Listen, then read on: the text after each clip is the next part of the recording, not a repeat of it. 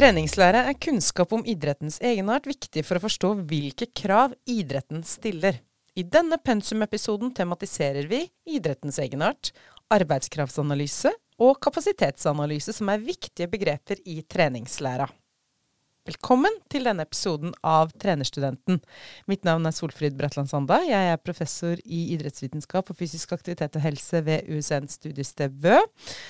Og denne episoden har fått tittelen pensum, idrettens egenart og kravsanalyse. Og for å snakke om dette temaet, så har jeg fått med meg Eva Maria Støa. Du har jo vært her før, men uh, du er fortsatt førsteamanuensis i idrettsfysiologi på USN ved studiested Bø. Velkommen til deg. Takk for det. Og dette er jo eh, første episode i en serie treningslære eh, relatert til pensumepisoder, som du og jeg kommer til å spille inn og snakke om. Uh, så da starter vi egentlig bare med starten, og det er idrettens egenart. Hva, hva menes med idrettens egenart, Eva? I uh, begrepet idrettens egenart, det betyr egentlig det som kjennetegner en bestemt idrett. Og da tar man gjerne utgangspunkt i idretten i konkurranse. For da får man et mer nøyaktig bilde på både varighet og intensitet og type arbeid, og rett og slett det som, det som skjer i konkurranse. Så idrettens egenart er viktig som både trener og utøver å ha en god innsikt i, i disse kjennetegnene ved idrett, idretten sin, fordi at det danner jo grunnlaget for å forstå hvordan man skal trene, og hvorfor man trener som man gjør. Så det ja. er kort forklart idrettens egenart. Ja. Og og hvis vi, For nå snakka du jo om konkurranse, og at det er jo egentlig prestasjon som er fokuset. Hva, hva er det som bestemmer idrettslig prestasjon? Det er mange ting. Eh, en, en altså, idrettslig prestasjonsevne bestemmer jo, bestemmes jo av både fysiske, psykiske og sosiale faktorer. Og i tillegg så er det mange idretter som stiller store krav til teknikk. F.eks. langrenn, volleyball, dans, skihopp. Eh, I denne episoden her så tenkte jeg at jeg skulle fokusere mest på de fysiske arbeidskravene. Altså det med idrettens egenart som bestemmer de fysiske arbeidskravene.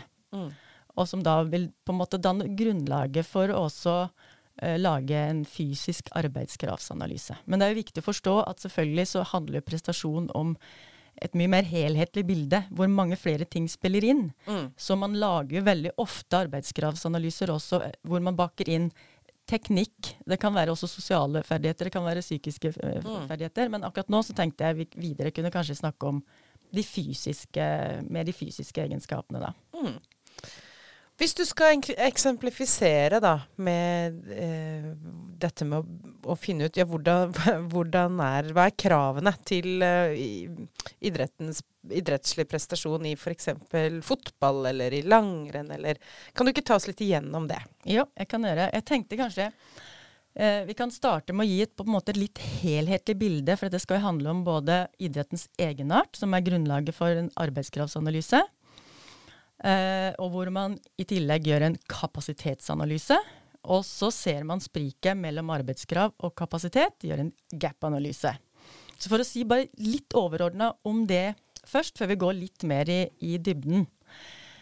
Eh, hvis man er trener, eh, og da har man jo naturlig nok en god kjennskap til idretten sin, altså det som kjennetegner idretten. Og så har man en utøver som er på et gitt nivå, og ønsker å komme opp på et høyere nivå. Så det første man gjør, det er jo egentlig at, man, at utøver har At man i, sammen med utøver setter et prestasjons- eller mestringsmål.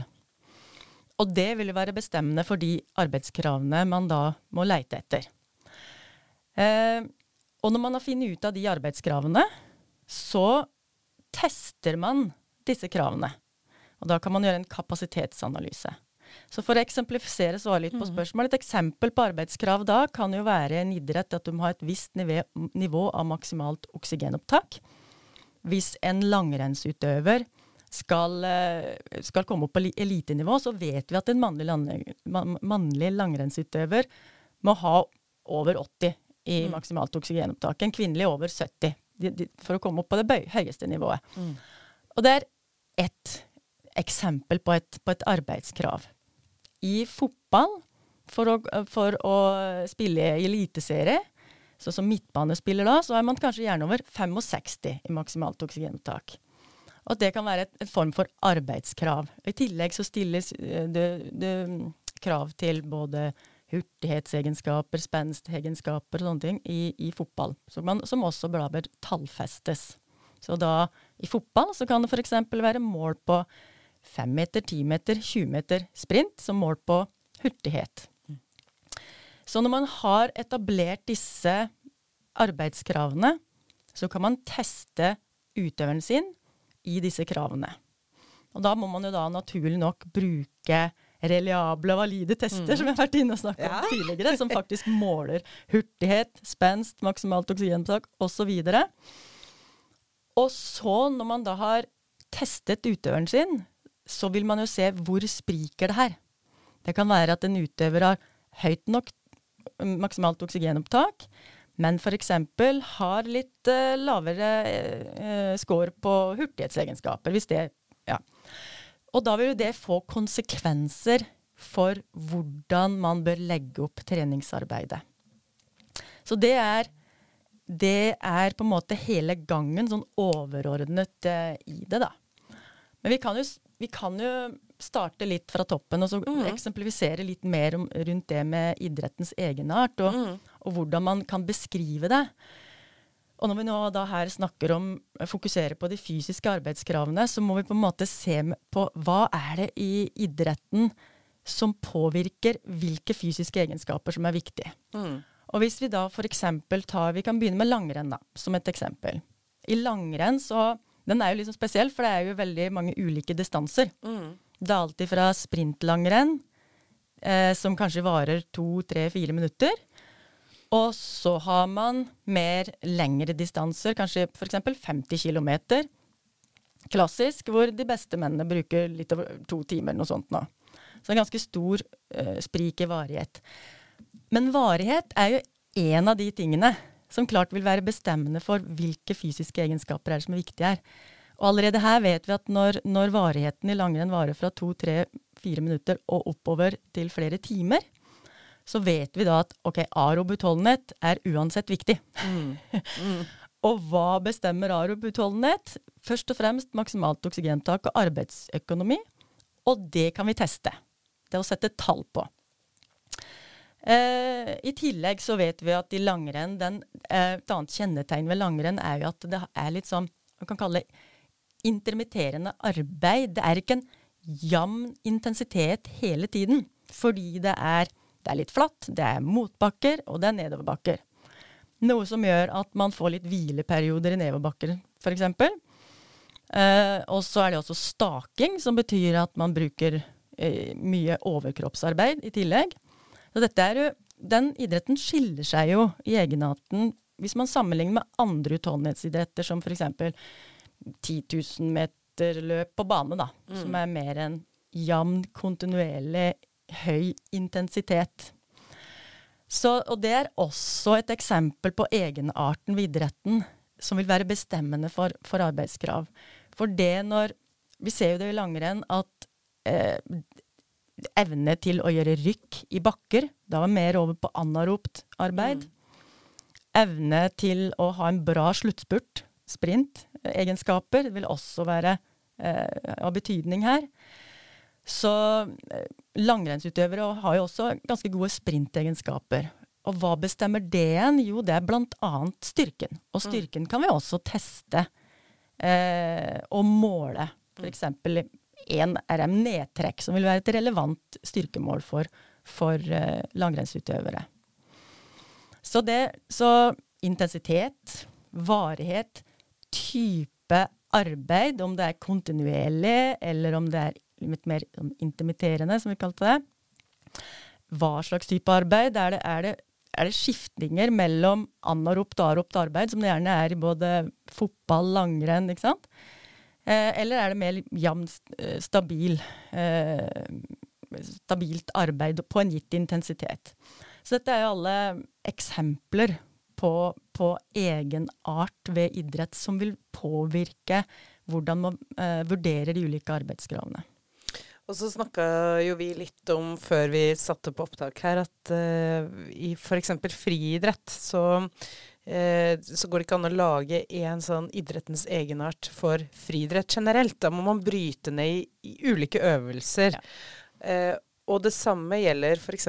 i fotball. Altså, mm. eh, hvis du ser på de ulike posisjonene på banen, så kan det nesten fremstå som to forskjellige idretter. Mm. Hvis du sammenligner med keeper versus en uh, midtbanespiller, f.eks. Mm. Kan du si litt om, om, Hvis vi bruker fotball da, som et ja. eksempel, kan du si litt om hvordan man skal lage en sånn Hvordan skal man beskrive idrettens egenart ja. i fotball? Ja, og Det er jo lurt, som du sier, eh, og det kan være lurt innenfor langrenn, og brukte det som, eh, som eksempel i sted, at man velger en gitt distanse. Da er det lettere å beskrive egenarten og finne de ulike arbeidskravene. Men også i fotball er det også et veldig godt eksempel, for det er klart at en, en, eh, kravene til en keeper er helt annerledes enn kravet til en midtbanespiller. Og man ser jo også at, eh, at kravene til f.eks. Eh, arob-kapasitet for en midtbanespiller er nok Leosel kanskje litt høyere enn en forsvarsspiller og, og, en, øh, og en, som øh, spiller offensivt. Øh, mm. Eh, angrepsspiller, hva jeg skulle si. og man ser, og der kan man, og når man går inn og liksom analyserer idretten, så ser man okay, hvilke av spillerne er det som løper lengst eh, i løpet av en kamp. Jo, det er, faktisk, det er midtbanespilleren. Og hva betyr det? Eh, jo, det er kanskje litt, litt andre krav til, til uh, Aru for den, f.eks. Men samtidig så er jo også fotballen så er det jo For man må skille litt her, fordi man kan jo også si, hvis, hvis vi ser på varighet, da, så er jo en fotballkamp også langvarig. To ganger 45 minutter. Og det betyr at OK, Aro Betonnet viktig, men det er jo kanskje ikke det som er mest prestasjonsavgjørende. Mm. Her er det jo minst like viktig å være hurtig. Rekke frem til ballen. Så det må man jo ha i bakhodet, at man også må på en måte vurdere viktigheten av de ulike fysiske egenskapene eh, ut ifra idrettens egenart. Så det er klart at hurtighet, spenst, styrke Vi vet at styrke påvirker også både hurtighet og, og spenstegenskaper. De er jo minst like viktige fysiske egenskaper i, i fotballen mm.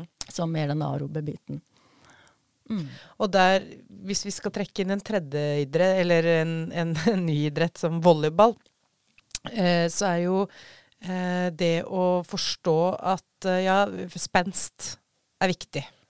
Eh, men hva er det som bestemmer spensten din repetert over tid ja. i en volleyballkamp? Mm. Altså når du er i sett nummer mm. fem, eh, mm. og det står mellom at det er kjempejevnt, eh, så er det en fordel å, å kunne hoppe like høyt. Mm mot slutten av kampen som mm. da kampen starta. Ja. Som også blir noe annet enn mm. den spensten man trenger f.eks.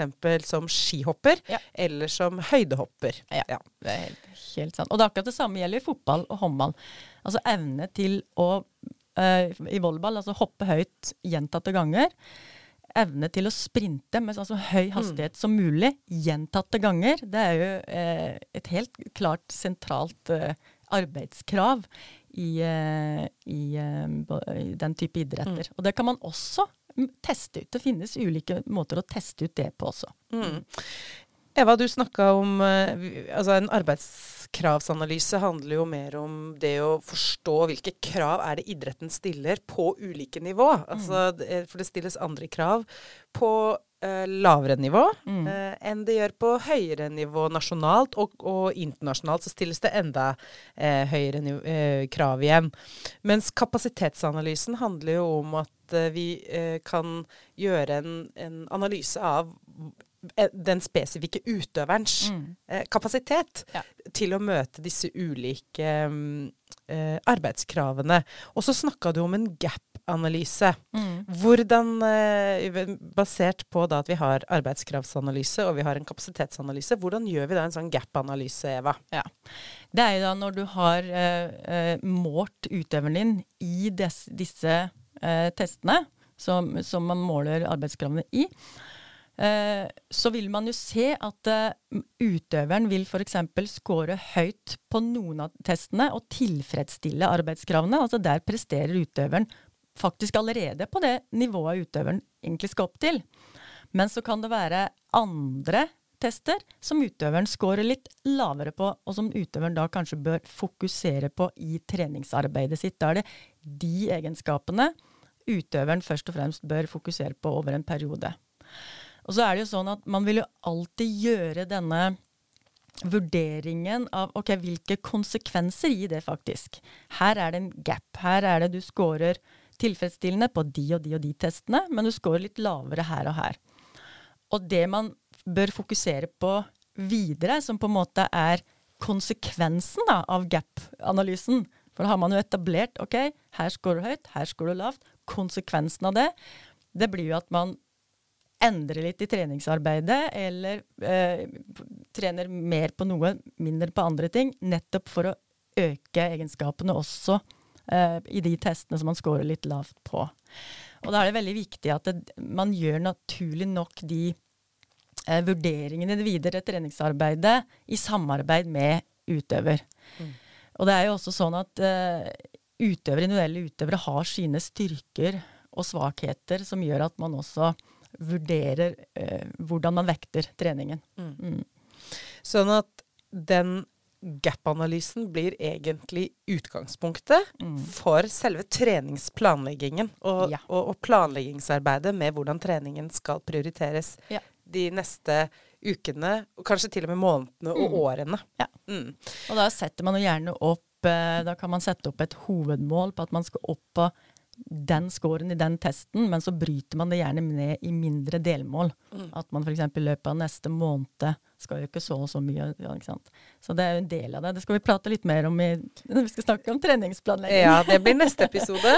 For nå har vi jo eh, snakka mye, Eva, om um, om uh, de mer tradisjonelle, og eksemplifisert fra de mer tradisjonelle idrettene.